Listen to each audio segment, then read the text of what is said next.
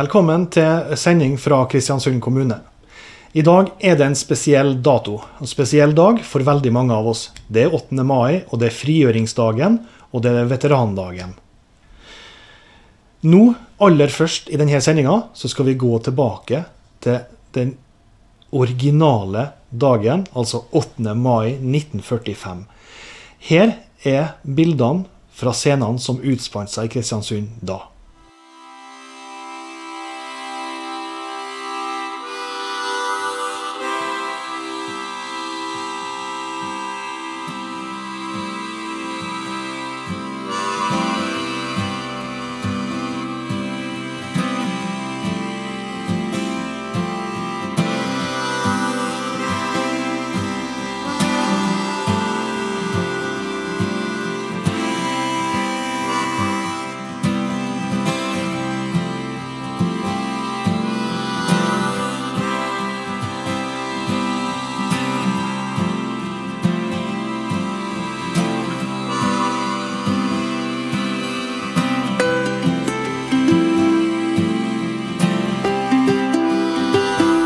Vakre bilder fra frigjøringsdagen 8. mai 1945. Da har vi fått eh, besøk av ordfører Kjell Nergård i studio. Velkommen, Kjell. Takk for det. Hvordan eh, feirer ordføreren eh, normalt sett 8. mai? Da bruker jeg å være med på de arrangementene som vi har oppe i Minnelund f.eks. Og så har vi hatt noen ganger utdeling av veteranmedaljer i tillegg på rådhuset her, så det blir en helt annen 8. mai i år. Det blir det. Hvordan, minner har du fra 8. mai i din oppvekst, Kjell? Nei, altså, Jeg har vokst opp i en familie som har deltatt på arrangementene tidligere. og Den bestefar som var krigsseiler under krigen, og vi måtte jo alltid på byen når det var 8. mai for å være med å markere det. Både nede på Pirner og oppe i Minnelund. Så jeg har mange minner fra 8. mai, også fra barndommen min, at vi da måtte på byen. Hva er din oppfordring til kristiansunderne den 8. mai her? Det er en viktig dag. Det er både frigjøringsdag og veterandag, og den må markeres. Og jeg synes at Det er viktig å følge med på de arrangementene som vi har på nett. Det er jo det som er det viktigste. Men jeg synes det er viktig at vi, det er en, det er en dag til ettertanke. dette her, Jeg synes at folk skal sette pris på å tenke over det som mange har vært gjennom. og Det er en fin dag å markere det på. Mm. Det, jo, det var jo frigjøringsdagen. Inntil for noen år siden så ble det også veterandagen. Jeg vet at du har vært med på mange tilstelninger og har delt ut en del medaljer. Og det står vel noen i kø i år også som ikke får? Ja, det skal være utdelinger. Det blir jo sikkert senere i år, da, men har, siden jeg ble ordfører, så har jeg vært med på mange utdelinger. Det har jeg alltid satt pris på. Da får du liksom høre, høre litt historiene. Mm. Jeg har vært med og delt ut medaljer til folk som faktisk var med i andre verdenskrig, men de flesteparten av medaljene er jo folk som har vært med i internasjonale operasjoner.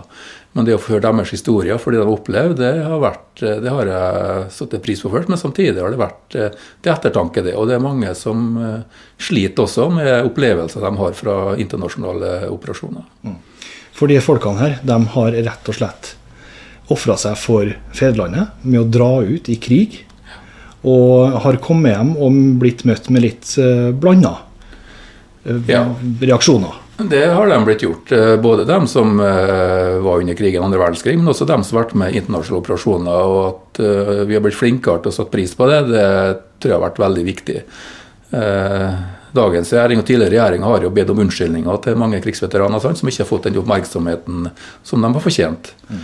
Når jeg jobba i Nav og Trygdeetaten, så hadde jeg ansvar for krigspensjon. Og jeg har snakka med veldig mange som var krigsseilere under krigen, f.eks. Å høre deres historie, hvordan de opplevde det. Jeg ble jo torpedert f.eks. og havna i sjøen. Kamerater som bare forsvant, drukna.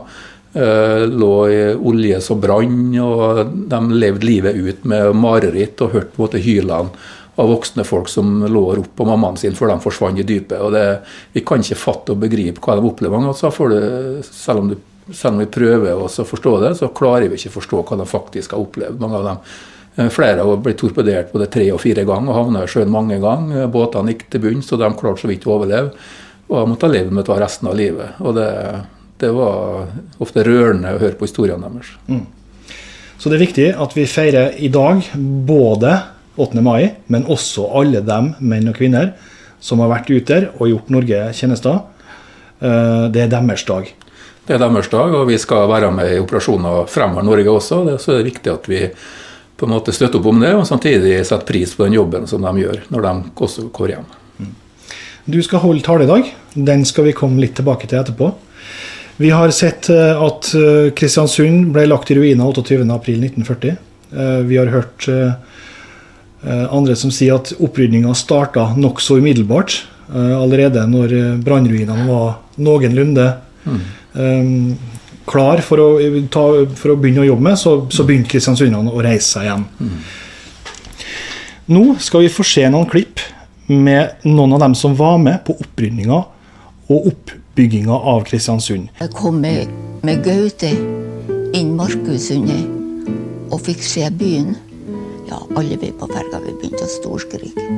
Det var et syn. Det var et syn, altså, som Ja, jeg må ha sett det for å forstå det. Vi kjørte over broa og så alle de skadene så det var jo bare pipa igjen i sentrum av byen og en del gavler og betong og så videre. Sånt, og sånn sto igjen, og det var jo et et trist syn for en 18-åring å få se der. Og det mest rørende synet, det var oppe i Løkka. Huset var borte, men trappa sto. En murtrapp. Og det var en mann. Han sopa og kosta på den trappa.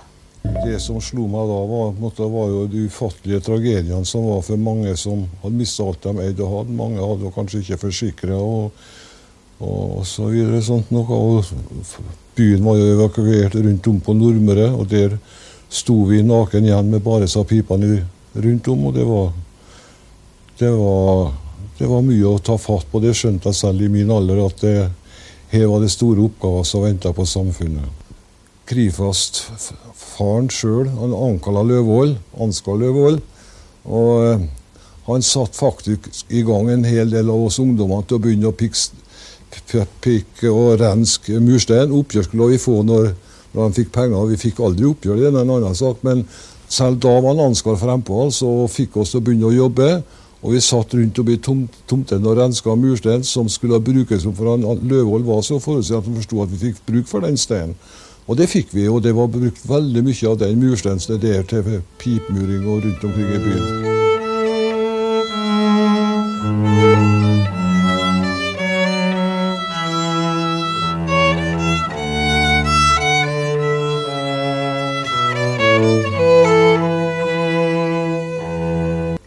Fiskebåtene kom inn.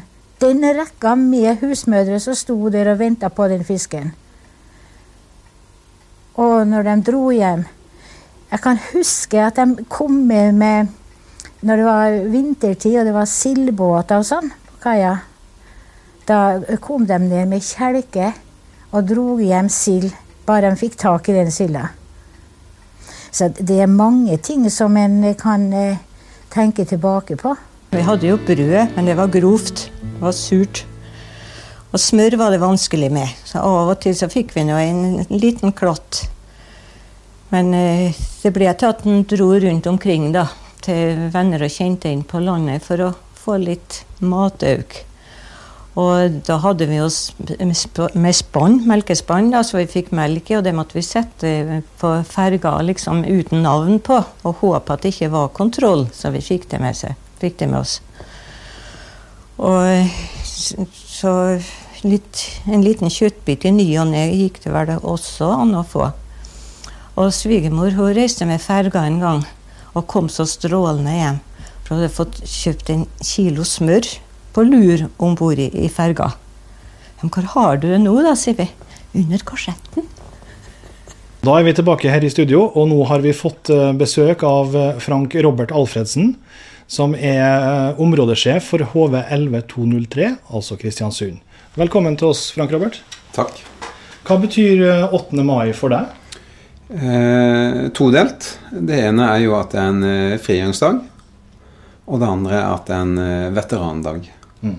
For du er sjøl eh, faktisk veteran? Ja. Du har vært ute i oppdrag for Norge? Ja, jeg hadde en uh, tur til Kosovo i, uh, på i tidlig 2000. Mm. Uh, du er ny sjef for Heimevernet i Kristiansund. Hvordan føles det å få den rollen? jo, det er spennende, det. Det er Det er en, eh, en viktig rolle eh, for eh, Forsvaret og for Heimevernet, og det er viktig at Ja, det er en stor rolle. Det, plutselig så får man har man plutselig det øverste militære ansvaret i Kristiansund. Mm. Det høres ikke så stort ut, men dog så er det faktisk et ansvar. Mm. Mm. Og du har vært i den jobben i et halvt års tid nå, stemmer det? Ja. ja. Mm. Hvordan er du fornøyd med området ditt så langt? Ja. Mm. Fantastiske mennesker med, av ulik bakgrunn. Sånn grovt en 150 stykker. Eh, I eh, alt fra um, unge til de som er på vei til å mm, forsvinne ut. Mm. Så det er hele spekteret med, og med ulik bakgrunn. Mm. Det er mye spredt kompetanse i, i, i et heimevernsområde? Ja. Eh, det er alt fra eh, Det er alt fra aksjemegleren til, til lege. Det er alt. Det er hele spekteret. Mm. Um, du har, forberedt, uh, du har forberedt deg på å si et eller annet i anledning den store dagen, som er todelt, som du sier. Mm. Um, vær så god. Takk. Kjære veteraner, eh, veteranfamilie og øvrige. Det var nå sånn at eh, talen skulle vi egentlig holdt eh, ute, men eh, pga. situasjonen som vi er i nå, så blir eh, talen holdt her. I dag markerer vi at Norge ble frigjort etter fem år med okkupasjon fra 1940 til 1945. Vi hedrer alle de som eh, ofra så mye for at det norske folk skulle oppleve friheten igjen. Og vi hedrer alle norske soldater som har bidratt i operasjoner i utlandet. 8. mai er også Norges nasjonale veterandag. Frigjøringen i 1945 kom ikke av norsk innsats eh, alene. Den var et resultat av de alliertes eh, samlede innsats i hele Europa. Viljen til å bidra for fellesskapet på tvers av landegrenser er sterk i Norge, også i dag.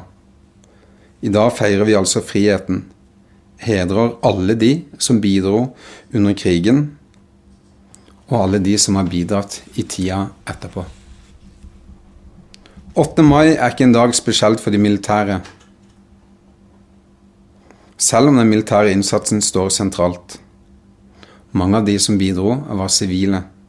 De som opplevde tapene, var sivile, og ikke minst var de fleste soldatene mobilisert rett fra sitt eh, sivile virke. Det er også viktig å minne om den store andelen av kvinner som bidro under okkupasjonstida ofte med svært stor personlig risiko. Den gangen var det ikke mange kvinner i Forsvaret, men når krigen var et faktum, var det de beste som sto frem, mann eller kvinne. Mange mennesker har blitt hedra for sin innsats under annen verdenskrig. Samtidig vet vi at det fortsatt er mange som ikke har fått den anerkjennelsen de fortjener, både for militær og sivil innsats. Det, det, gjøres et betydelig arbeid over hele landet for å gi denne anerkjennelsen. Og det er vi i Heimevernet som har fått rollen som Forsvarets representant. Vi vet også at det finnes en del mennesker som har gjort betydelig innsats, men som ikke ønsker oppmerksomhet omkring dette. Det skal vi respektere, men innsatsen skal vi ikke glemme. Dagen i dag er også veterandagen. Men hva er egentlig en veteran? Veteraner er personell som på vegne av den norske stat har deltatt i en militær operasjon hjemme og utenlands. Operasjonen kan ha vært under norsk, alliert eller FN-kommando.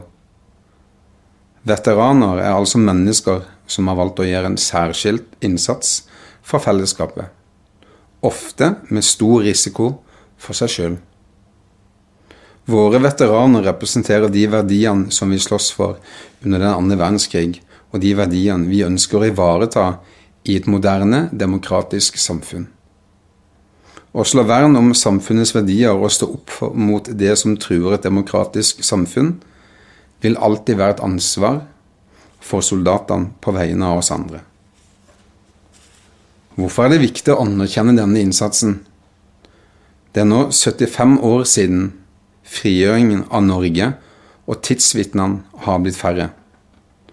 Når Rønneberg, Sønsteby og de andre veteranene er borte, så er det vi som skal videreføre historien og minne om ordspråket 'aldri mer 9. april'. Godt over 100 000 nordmenn har tjenestegjort i over 40 land over hele verden siden andre verdenskrig. Truslene har endret seg, oppgavene har vært forskjellige, men felles for alle veteraner er viljen til å bidra for utvikling av fred og sikkerhet for mennesker over hele verden.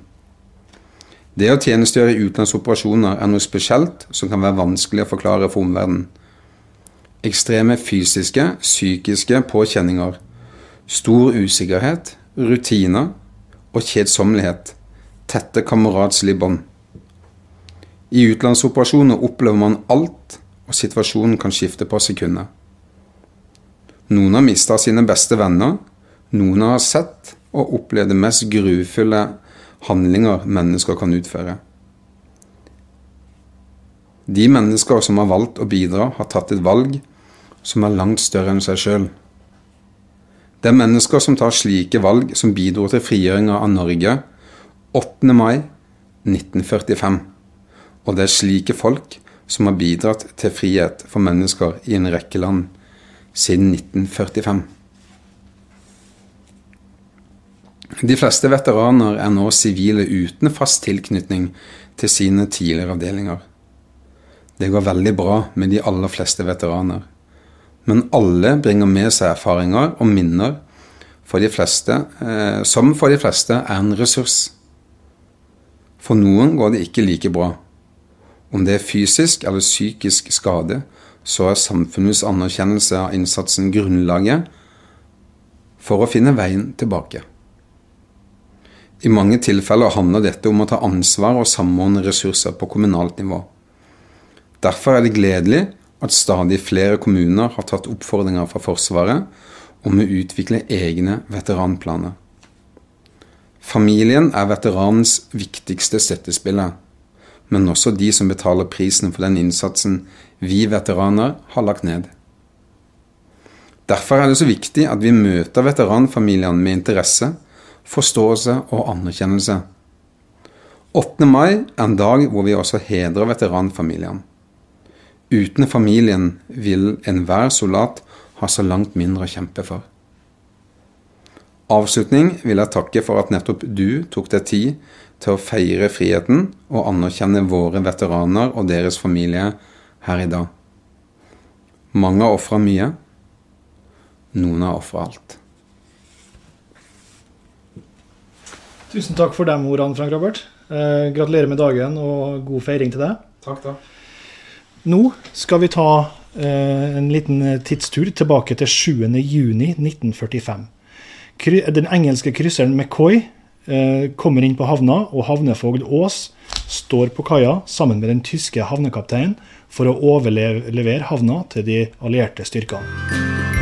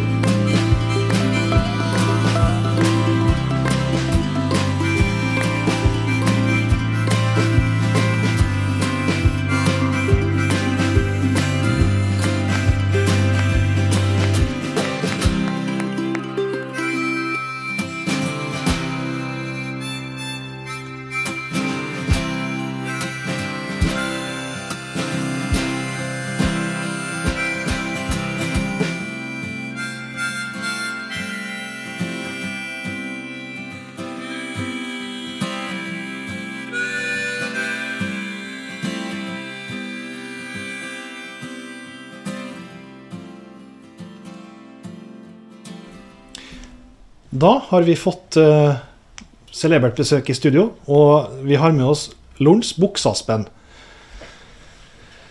Velkommen til oss, uh, Lorentz. Hjertelig takk for det.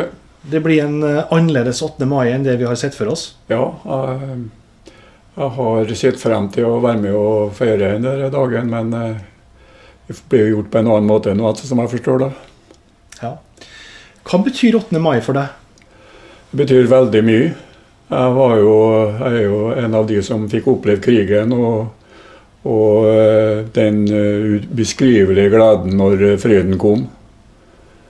Jeg husker godt Egentlig så fikk vi vite allerede den syvende. For da hadde jo da egentlig tyskerne kapitulert. Og eh, det kom jo nyheter fra Danmark da, om at, eh, at kapitulasjonen var at de, at de, hadde kapitulert. Slik at vi fikk det litt på forhånd. Men det var en ubeskrivelig glede. Eh, eh, far min var vognmann. Og akkurat den dagen der så Du vet at det var, det var jo barnearbeid. Jeg var bare tolv år. Men da kjørte jeg hest og kjørte ved. Og kom jo fra Byskogen og fikk rede på det her, og da var det full galopp til byen. Og det, allerede sjuende så fikk dere indikasjoner på at noe var i ferd med å skje. Ja. Hvordan føltes det blant deg og dine venner? Jeg kan ikke, jeg, jeg, Når jeg tenker på det nå, det er helt ubeskrivelig. Det var omtrent som hele verden åpna seg. Det var, det var, en lykkefølelse som jeg har gått tilbake på mange ganger og, og, og forsøkt å kjenne på. Mm. For det er vanskelig å tenke seg Nå er det 75 år siden det her skjedde. Men du, du, husker det her klart og tydelig fortsatt? Ja, det er omtrent som det skulle ha vært i går. Ja. Og den 8. mai, når du galopperte tilbake til byen, hvordan var stemninga i Kristiansund da? Ja, det var en jubel uten like. Det var helt utrolig hvordan det Ungene var ute i gata og hya og skreik, og, og, og folk, folk strømma jo ut i gatene. Og eh, det, det, var, det, var, en følelse og en sånn samhørighet og, og felles glede. Det, det, var, det var Jeg kommer aldri til å glemme den likefølelsen jeg hadde den dagen. Og Har du klart å beholde den 8. mai opp igjennom òg? Hele tida. Ja. Hele tida. Det har jeg gjort. Jeg har jo, eh, jeg har jo vært med i 8. mai-komiteen er da fra 2001 og frem til i dag, da. Og, og jeg har eh, Jeg synes den 8. Eh, mai den er, betyr jo veldig mye for meg, og spesielt nå da når også veterandagen er blitt den 8. mai. Mm. Vi skal komme litt tilbake til det. Men ja. um, du var tolv år når krigen var over. Ja. Da hadde dere vært gjennom fem år som, Hvordan vil du beskrive de fem krigsårene? Ja, det kan jeg beskrive. Eh, vi ble jo evakuert allerede omkring den 20. På, inn på hytta til onkelen min inn på Likkjerensvikvatnet. Og det var hytte Heldigvis hadde hun to etasjer, for vi ble sammen 18 stykker der på den lille hytta. Og eh, trangt var det. og og um, den, um, det, det, den 20. Da var søskenbarnet mitt og jeg, vi skulle ut på Reinsvik for å handle. Da var det den bomba gikk, og hvor han Ingvald Vatn ble drept i Reinsvikbakkene. Da var vi vel omtrent der som krysset Reinsvikkrysset i dag. Da var, var søskenbarnet mitt og jeg der. Så vi var veldig tett på. Um, når um, Far min han var jo i byen og var med og, og hjalp til og flykta ut. Han var jo vognmann. Og um, han, han, var jo med da den 27. Da så vi tyske flyene laga en ring rundt byen. Hvit ring rundt byen husker det som var i dag. Og så braka det løs da den 28. jeg begynte å bombe. Og det var jo ren terrorbombing. etter mitt forsvant, så var det det. Vi hadde ikke såpass mye som en spil og bue for å hjelpe oss med. Det var helt utrolig.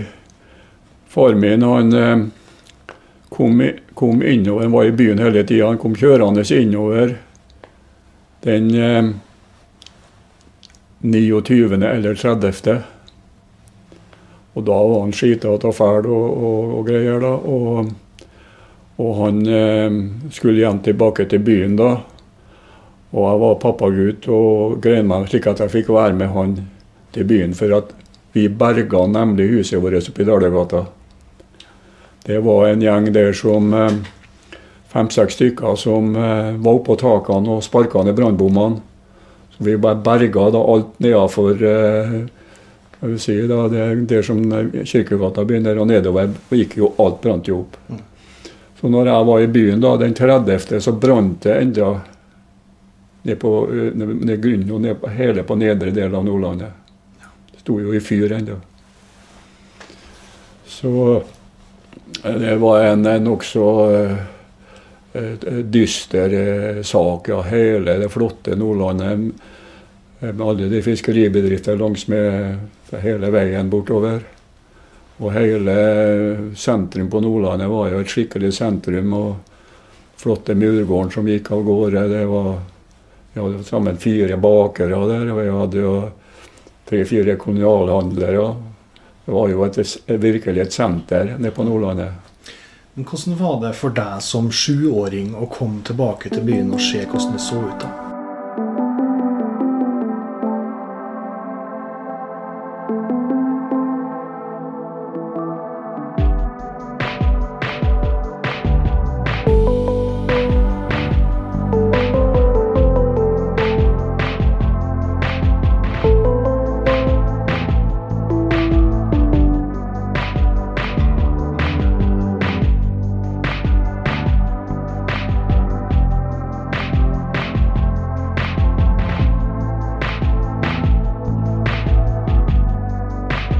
Jeg kom tilbake til byen som syvåring, det var, nei, det var utrolig eh, stygt. Vi var jo vi var jo dit og kikka litt i ruinene der. og en kompis av meg. Vi var nå rundt og kikka litt. og vi fant nå noe etterskap en hatt der, og- men det, det brant jo ennå. Det brant ennå i tomten der. Mm.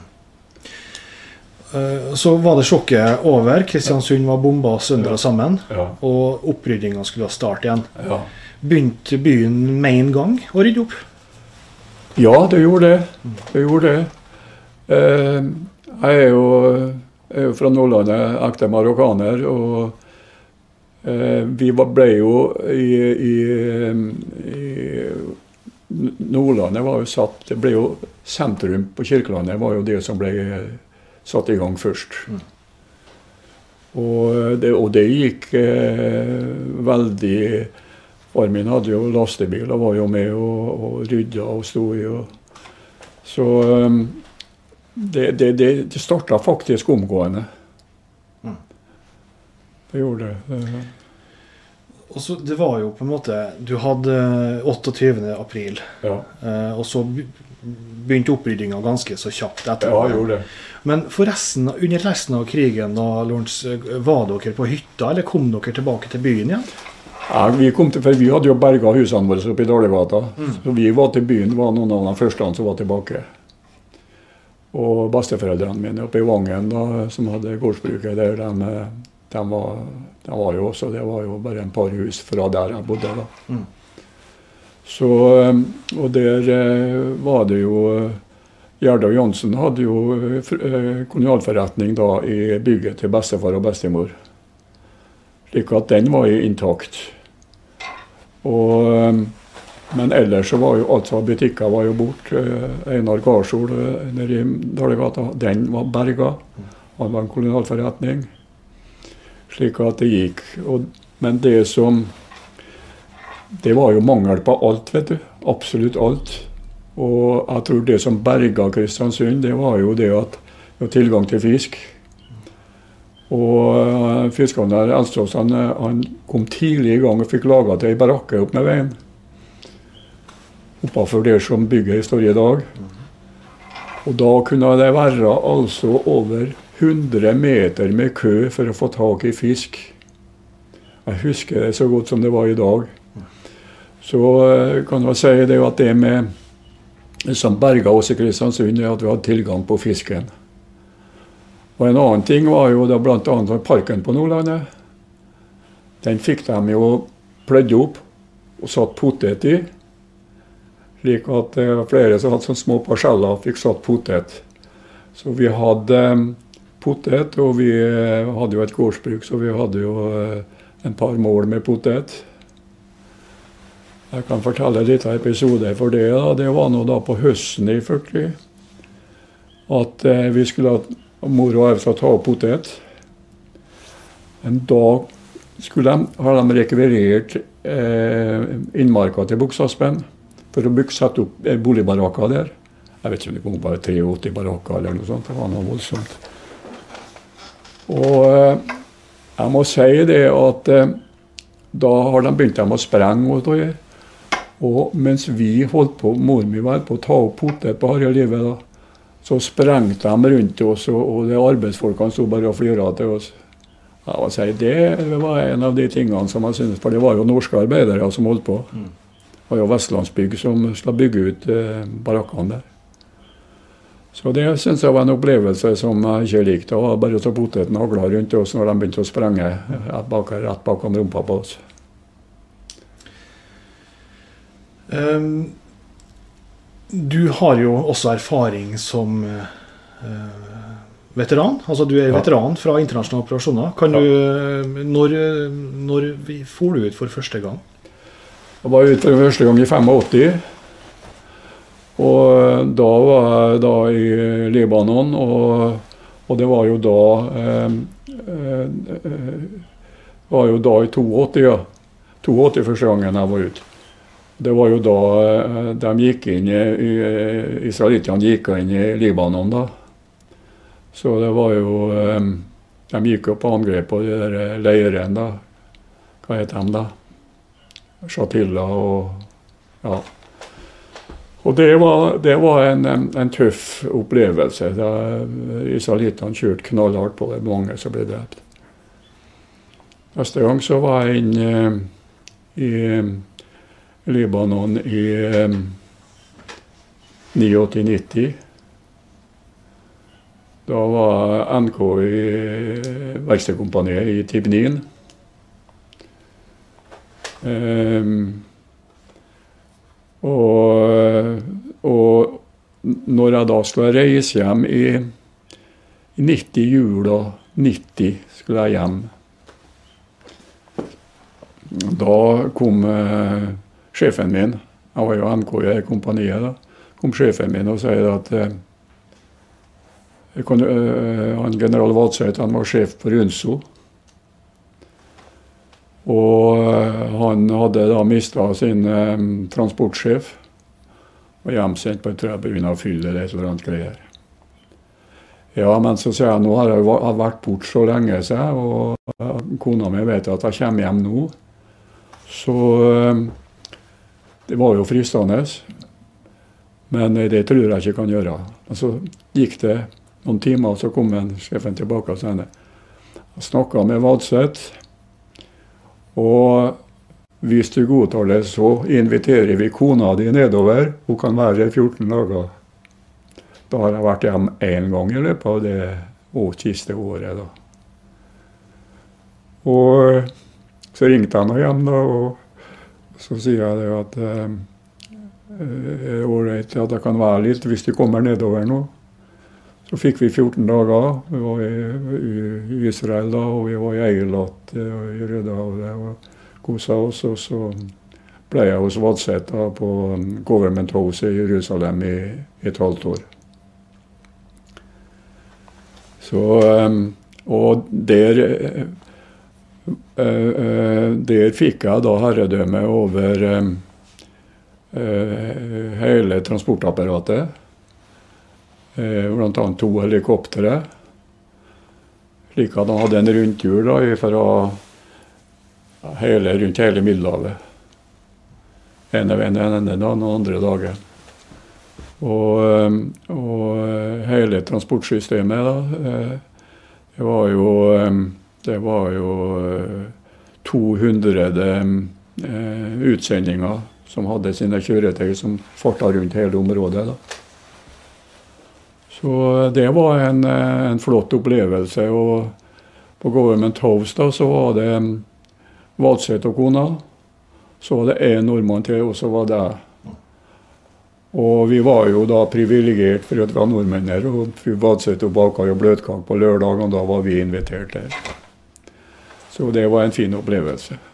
Neste jeg var i, det var jo da på Balkan i 93-94 under eh, den der eh, revansjkrigen da ifra hvor, eh, hvor eh, Kroatia da jaga ut serberne. Det var også en eh, ganske tøff periode. Og i etterkant av de oppholdene dine utenfor Norge, Ja. så har du også engasjert deg for eh, veteranene. Ja, jeg ble eh, siste når jeg var i Libanon, så ble jeg hovedtillitsmann for, eh, for styrkene. Og vi var fem stykker, og vi da for, reforhandla lønnsforhandlingene som ikke var gjort ting fra, fra, ifra eh, trio Når ble det? Første gangen, det var altså i eh, i 80 70, 78. 78. Da var det Da var det Så det var, det var ikke gjort noen ting med lønnsforhandlingene, så vi fikk, vi fikk sjekka opp det. Vi hadde Norges reserveoffisersforbund i Oslo som var kontakt. Og vi var hjemme i Norge og drev forhandlinger både med, med forsvarsminister og forsvarsdepartement og utenriksminister. Det var jo Bondevik som var utenriksminister den gangen. Og vi var på Stortinget. Og eh, vi fikk løfta vi fikk løfta lønnsforholdene. Jeg ble litt kritisert av offiserskollegaer for at jeg jobba for de menige, for det var jo de som hadde lavest lønn. Men eh, det, det resulterte jo det da at, eh, at de menige fikk utbetalt Jeg tror det var noe sånt som eh, 6000 for de som har vært der et halvår. Og så fikk de 12 000 for de som har vært der et helt år. Som fikk etterbetalt. Og så ble det justert en del andre ting, da. Men jeg forstår det sånn at du også har eh, vært med og danna eh, denne veteranforeninga i Ja, Norge. ja. Og også vært president. Kan Ja. du si noe om det? Ja, jeg kan si det, da, at jeg var med ganske tidlig. For, for eh, jeg, var, jeg var med i den såkalte beredskapsstyrken i, i eh, 57. Da var jeg ansatt i politiet her. Skulle være med i den styrken.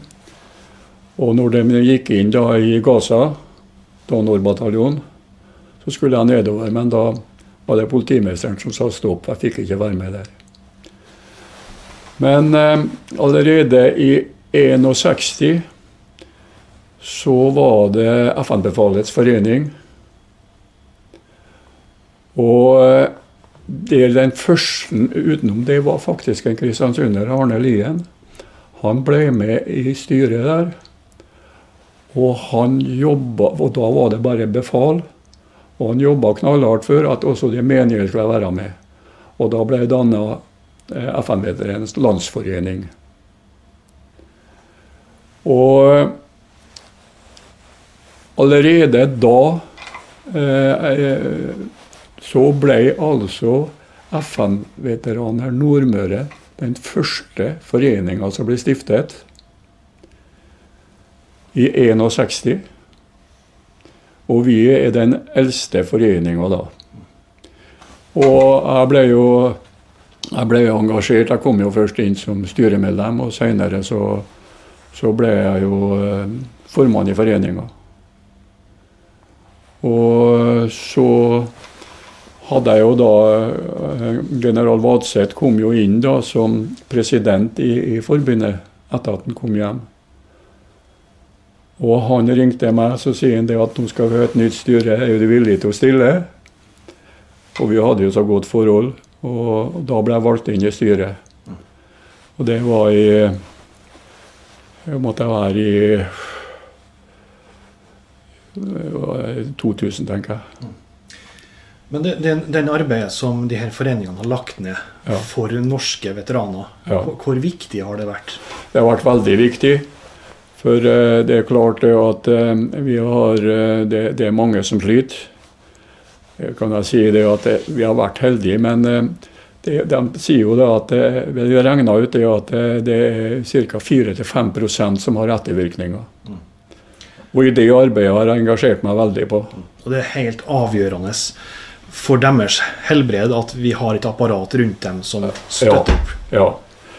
Eh, når jeg ble president i forbundet i 2001, så hadde jeg kontor i samme barakke, barakke 60 på festningen, sammen med Krigsinvalideforbundet. Og eh, de var jo da blitt voksne folk, da. Krigsseilerne. Krigs og Krigsinvalideforbundet. Og eh, formannen der heter Hobbesland. Hobbersland. Og, og eh, de hadde jo da de hadde jo da fått oppretta et, eh, et hjem på Bærøya ved Kongsvinger. Som eh, kronprins Olav var, var med støtta og fikk, var med og fikk løfta opp. Og av alle så var bl.a. keiser Haile Selassie fra Etiopia. Han bidro, tror jeg, så mye som Jeg, jeg tror det var jeg vet ikke, 60 eller om det var 100 000. For det var norske folk som bygde opp havnefasilitetene etter krigen i Etiopia. Og som takk for det, så ga han et bidrag til, til bygninga av Bærøya. Og han som hadde området der han ga gratis grunn til bygning av den saken. Og de krigsinvalidene drev jo det hjemmet. Det var jo en 12-13 ansatte. og drev jo for veteranene, for krigsveteranene. Og de ville da at vi som FN-veteraner skulle overta anlegget. Men vi skjønte jo fort da at eh, vi hadde jo ikke noe kapital til å kunne drifte det anlegget som, eh, som eh, ville koste nokså mye. Det var jo slik at jeg var med i, i styret da i Bærøya som første representant utenom krigsseilerne, krigsveteranene. Og um, vi var litt fram og tilbake hva som skulle gjøres da. Men um, det kom så langt da at um, vi hadde ikke kapasitet til å kunne overta FN-veteranene. Så ble det på et styremøte da bestemt at vi skulle overdras til Landsforeningen for hjerte og lunge.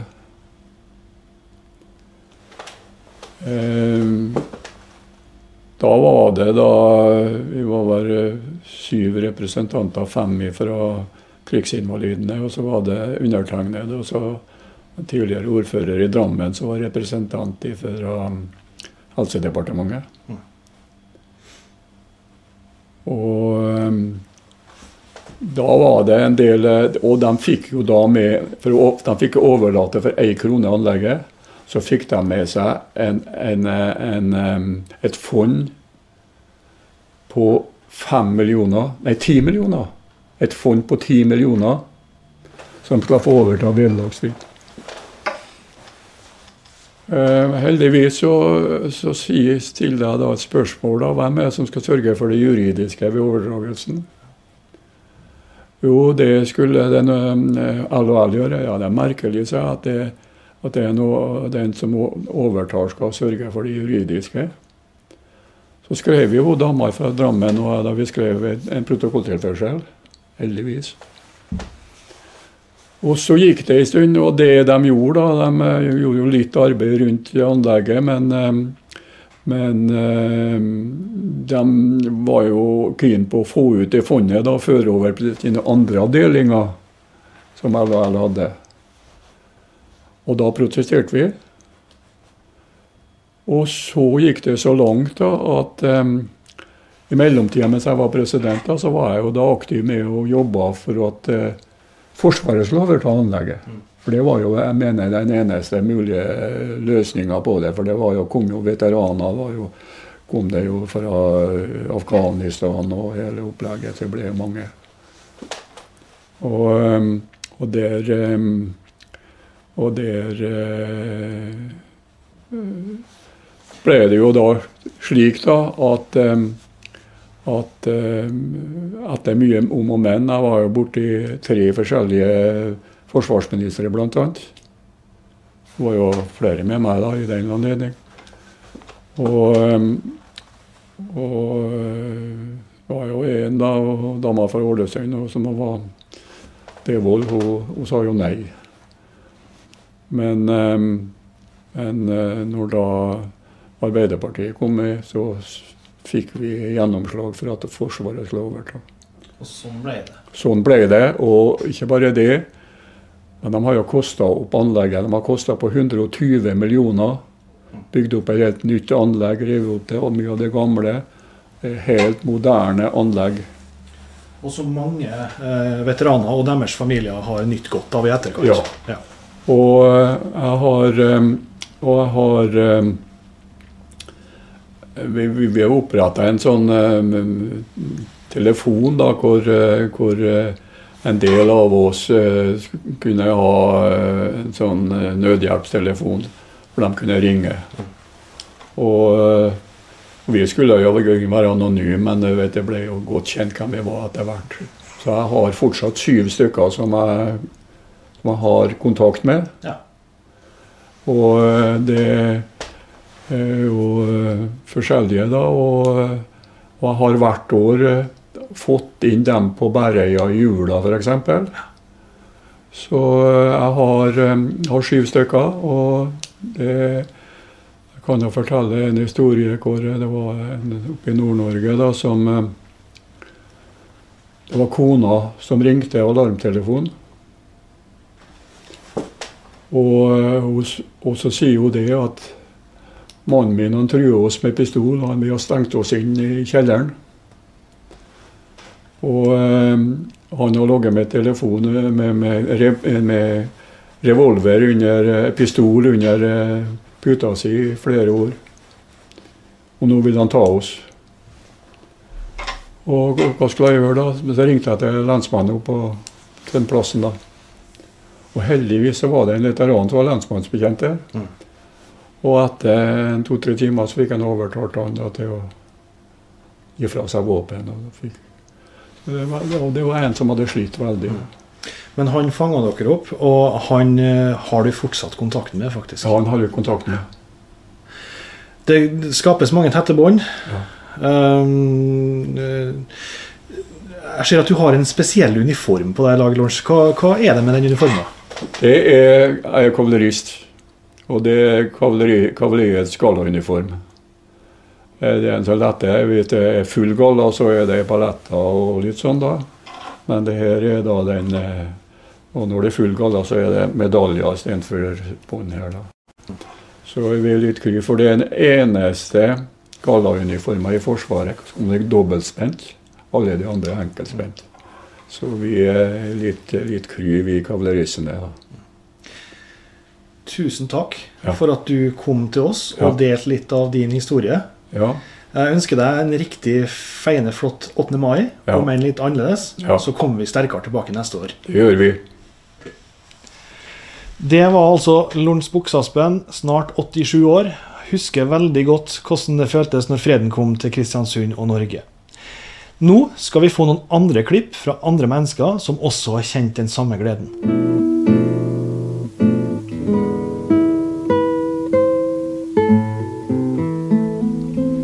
Vi var så glad vi Vi hadde vel nesten ikke ord for det. Og det første vi begynte å lære sønnen vår òg, det var 'Ja, vi elsker'. Og de første ordene i, i sangen, de lærte han fort. Og da begynte han å få klar sangstemme òg. Han var to år. Og da var det de første linjene av 'Ja, vi elsker'. Det ble sunget mange ganger per dag.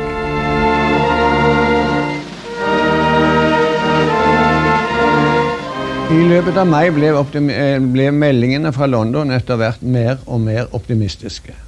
Flaggstangen min hadde ligget nede hele, året, eh, hele krigen, men da fant jeg den frem og begynte å skrape og male på den. Det kriblet en del i maven, for bare 50 meter borte sto stadig en hel del tyskere og sov på, men de verken sa eller gjorde noen ting. Etter hvert ble stangen ferdig, og med litt kribling i maven ble den også reist, men den sto blank. Så kom altså den 8. mai.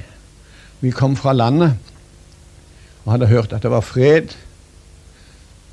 Og så fant vi frem flagget.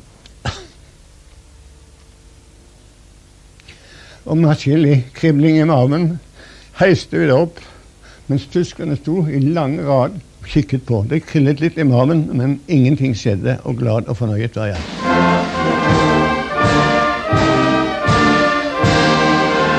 8. mai, da ble det nå flere og flere som fikk meldinger og, og, var klar over at det var fred. Men vi ble oppfordra til å være rolig og ikke foreta oss noe. For uh, det var folk som skulle komme og, og holde orden. Og det var helt rolig i byen.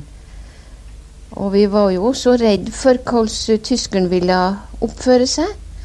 Men eh, de må forholde seg rolig. Etter å ha heist flagget måtte jeg ut i byen og se hva som foregikk.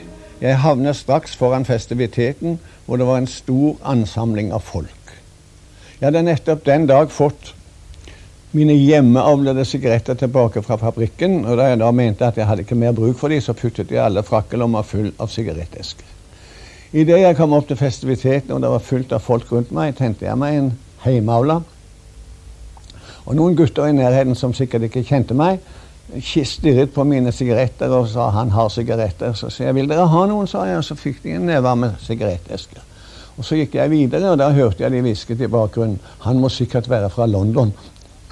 Vi var nygift da det brant, og nå så vi lysning på at nå var det fred. Nå kunne vi begynne å tenke fremover på å få oss et nytt hus. Så det var noe av det første vi tenkte på. At vi kunne få gå dit vi ville, snakke det vi ville, og få begynne å bygge opp igjen. Både vårt hjem og landet hele. Både byen og landet. Da har vi fått med oss Kjell Moss fra Skipperforeninga. Han skulle egentlig holde talen sin på Piren i år, men eh, det ble det litt forandring på. Talen skal vi få her isteden, ganske så snart. Ja, Kjell. Hva betyr 8. Eh, mai for deg? Slutten på annen verdenskrig og et fritt Norge. Du har jo et langt liv bak deg som skipper og sjømann. Og har sikkert truffet mange av dem som eh, var med under krigen. Hva hva inntrykk sitter du igjen med etter å ha fått snakka med dem og hørt om deres historie?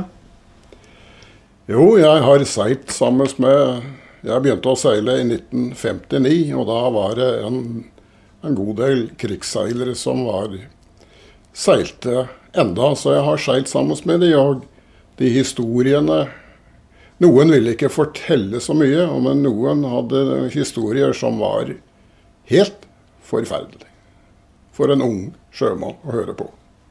Så du ble tidlig prega av de historiene? Noen av de historiene? Jeg vet Preget, men det var, det var forferdelig å høre på. Det, det hva, og når jeg kommer inn på det i dag og skal prate litt om det, så, så blir jeg Jeg ble påvirket av det. Men for mange av dem kom hjem etter fem år med sterke historier, og ble kanskje ikke optimalt behandla i etterkant. Optimalt er vel ikke det riktige uttrykket. Det er, de var behandlet forferdelig. Forferdelig. Så Har vi noen gang klart å rette opp det? Nei, ikke i det hele tatt. De har prøvd seg i ettertid med bitte lite grann, men det var altfor lite og altfor seint. Så det har vi ikke greid. Du skulle holde talen din på Piren i år.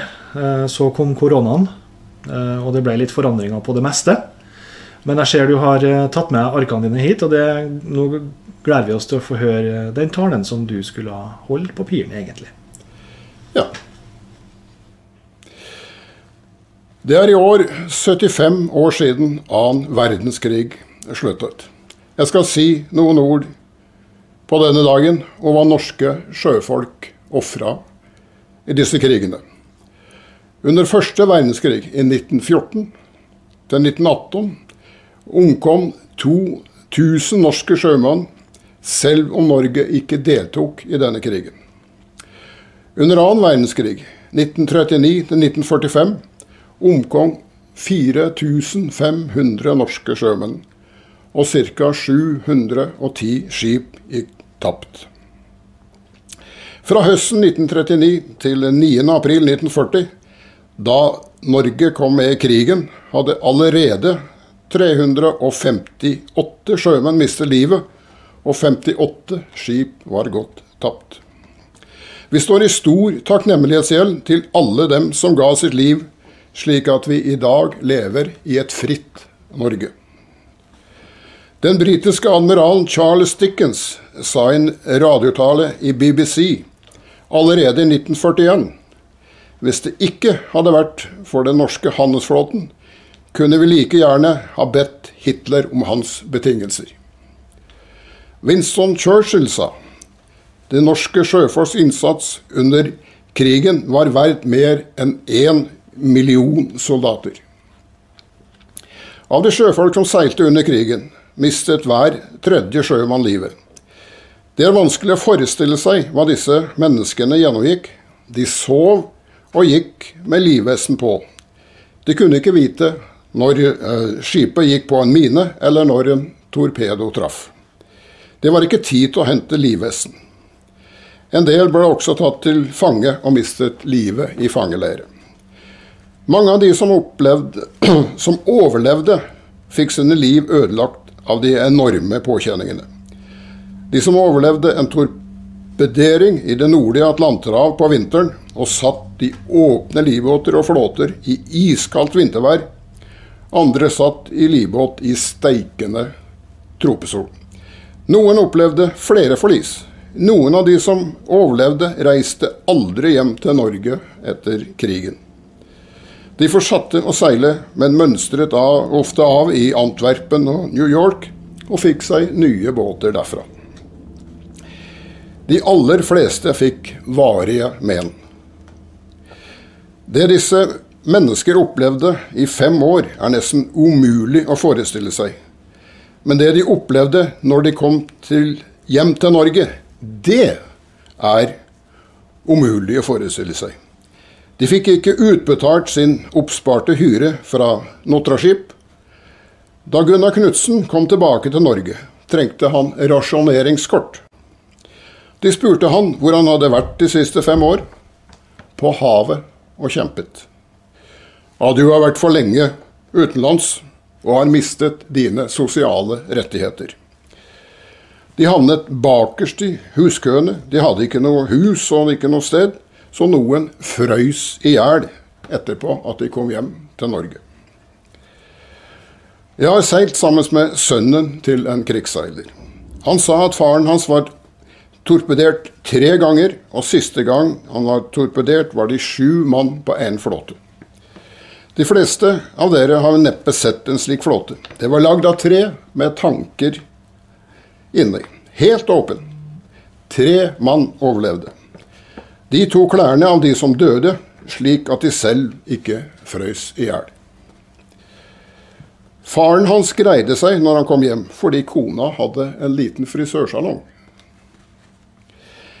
Hva disse politikerne som satt i den regjeringen tenkte, er umulig for meg å forstå.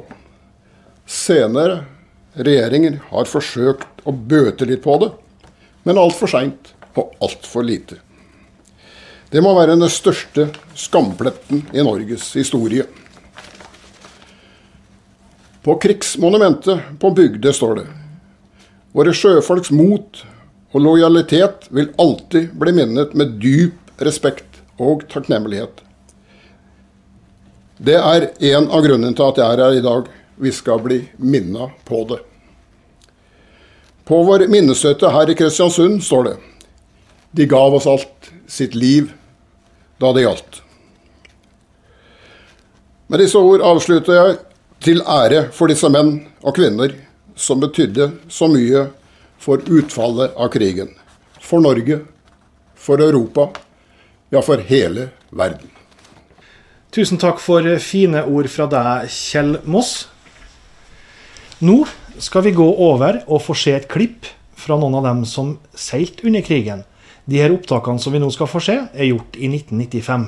Vi ble torpedert torsdag den 15. oktober 1942 på vei fra Buenos Aires til New York. Og utenfor Bermuda, eller Barbados i Vest-Indien, det ble torpedert med to torpedoer. I forrommet av oss og i firelukka på atterdekket. Og det var jo det var jo klokka halv sju om kvelden. Satt og spiste kveldsmat, vet du. Et jævla bråk. Først én gang, og så to ganger. da, vet du. Og så var det en gutt som var fra Bergen var torpedert forut, en måned forut med skiranger. Så han visste hva han sprang for livet vet du, opp på båten, opp, la seg på livbåten. vet du. Og da vi springer alle mann, da, vet du. Vi var en ca. 70 båter som gikk ut. Og vintersdag i Nord-Atlanteren. Det var ikke bare noe søsmak, bare det. Å reise over Nord-Atlanteren i, i, storm og uvær som det var. Og hva tid, enten hvilken dag det var årtaket begynte, det husker jeg ikke. Men jeg vet iallfall at det, det var i kveldninga at åtaket begynte.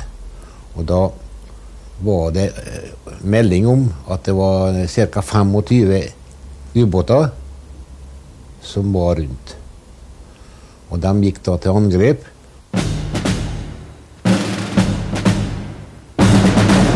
Og havet det brann. Og folk lå i sjøen og skreik. Og da var det skipperen han, han tørna, og eh, vi måtte bare ta opp ett fast hånd, og, og størrmannen tok det overalt. Og vi gikk. Det var ordre om å bare gå, ikke stopp. Og vi gikk, og da om morgenen Det begynte å lysne av dag. Da, da eh, var jeg opp hos stormene. da skulle han snakke litt om forskjellige arbeid for dagen. Og, det, og da sa han at hvis det ikke slutter nå, sånn, så hopper jeg. Så sa han så sa jeg, nei, så sa jeg det var lite gang i det òg. Så eh, ja. Jeg har sett så mye i natt nå sånn at jeg har fått nok. Jeg trodde aldri at jeg greide å overleve det. Og det var jo mange av mine skipskamerater om bord som gjorde det ganske enkelt. Når det ble mørkt, så hoppa de. Og om morgenen så var de vekk.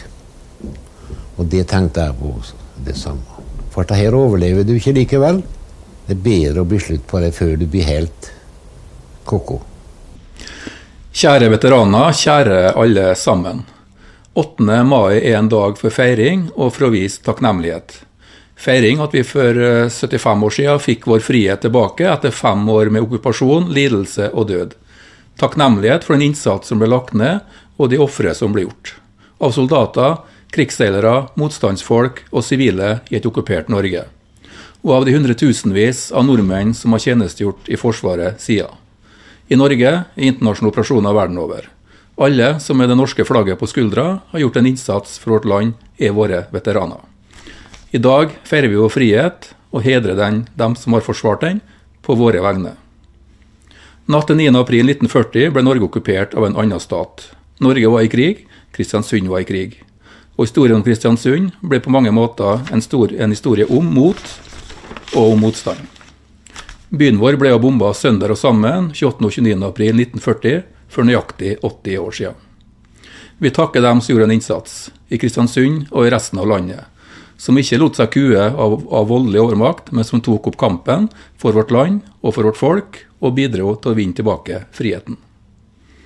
Alle våre tapre soldater i tjeneste ute og her hjemme sjøfolkene som vi som samfunn i mange år svikta, men, mange, men, men som var viktigere for de allierte seier enn noen annet norsk bidrag. Av 35 000 krigsseilere i den norske handelsflåta så omkom 4500. Og så må vi også hedre motstandsgruppene og enkeltmenneskene. De som slåss, og de som yter motstand i det stille. I det okkuperte Norge. Vi skal aldri glemme dem. I dag minnes vi også alle dem som fikk sine liv ødelagt. De som mista sine hjem, dem som måtte flykte, alle de som ble fengsla, torturert, deportert eller drept. Uten annen grunn enn å være seg sjøl. Revet ut av historien av en ondskap som vi aldri helt kan fatte. Og som vi heller aldri må glemme. På rådhuset her i Kristiansund så henger det ei tavle med oversikt over 143 navn fra Kristiansund som mista sine liv under andre verdenskrig. Nå er vi i gang med å skrive bind sju om Kristiansunds historie. Alt det jeg nå har nevnt, vil bli sentralt i historiefortellinga som skrives. Hvorfor det? Jo, fordi jeg mener at vi ved å kjenne vår fortid står bedre rusta til å møte vår fremtid. Derfor er det så viktig at vi aldri glemmer. For selv om krigen for lengst er over, ser vi at ideene har overlevd i Europa. Kunnskap om historien gjør oss vare på utviklingstrekk vi har truffet på før. Krigshelten og motstandsmann Gunnar Sønsteby via sitt liv etter krigen til å minne oss om at frihet aldri må tas for gitt, men kjempes for hver dag. Utviklinga i verden rundt oss viser at Kjakans ord i dag kanskje er viktigere enn noen gang. De fleste av oss her i dag har vokst opp i et Norge i fred. Dere, jeg, vi har alltid hatt frihet til å ta våre egne valg og ytre våre meninger. Vi har aldri behøvd å frykte eller å flykte. Vi tar det kanskje som en selvfølge. Det gjorde ikke våre foreldre og besteforeldre. De vet at de verdiene vi har bygd vårt samfunn på, demokrati, toleranse og menneskeverd, ikke kom gratis, og aldri må tas for gitt. I dag hedrer vi dem som sto opp mot urett da det gjaldt, og vi minnes dem som ga sine liv for at vi skulle kunne leve våre liv i frihet. Siden krigen og frem til i dag har hundretusener av norske soldater vært på vakt over vårt hele langstrakte land. På bakken, til sjøs og i lufta. For å verne om alt vi har, og alt vi er. Siden krigen og frem til i dag har over 100 000 norske kvinner og menn tjenestegjort i krig og konfliktsoner i over 100 operasjoner på fire kontinent, og gjort en viktig innsats på våre vegne for å skape stabilitet og sikkerhet i andre deler av verden. Slik har de også bidratt til vår egen sikkerhet her hjemme og utført nasjonens plikt til å ta vår del av et internasjonalt medansvar. Et medansvar vi, som frie mennesker, har for å skape et bedre fremtid for andre, og for dem som kommer etter oss. Enten de kjemper mot okkupasjonen under krigen, har voktet våre grenser eller gjort en innsats ut, så er de alle veteraner. Og de fortjener vår anerkjennelse og respekt. Det er mange veteraner i Kristiansund i dag. Norge og vi takker dere. 8. mai er en dag for ettertanke og takknemlighet. Vi minnes de millionene av mennesker som mista sine liv i den mest omfattende krigen verden har sett. Og vi takker alle dem som har kjempa mot urett, og for den friheten vi har, som vi aldri skal ta for gitt. På 8. mai skal vi minne hverandre om at i Norge så er veteran en hedersbetegnelse. Vi takker derfor alle våre veteraner. Dere hatt evnen til å ta ansvar, evnen til å ta kloke beslutninger. Dere har gjort, dere har gjort nasjonen stolt. Jeg gratulerer dere alle med frigjørings- og veterandagen. Takk. Storhavets by ned er brunnet, bare ruiner igjen. Alt som var kjært er forsvunnet, huset, hjemmet, alt. Storhavets by i morgengry,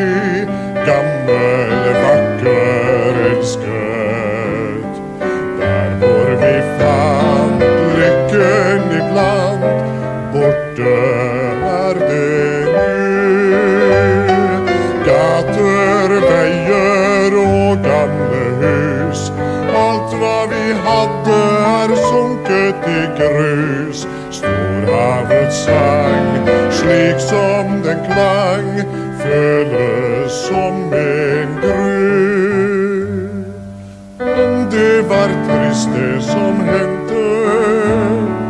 Mist ikke motet for det.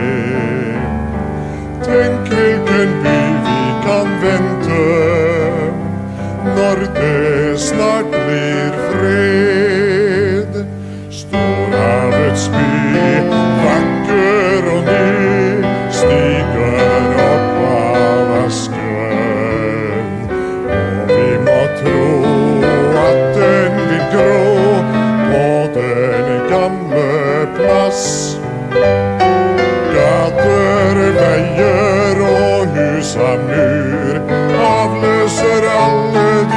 oppsatte skur.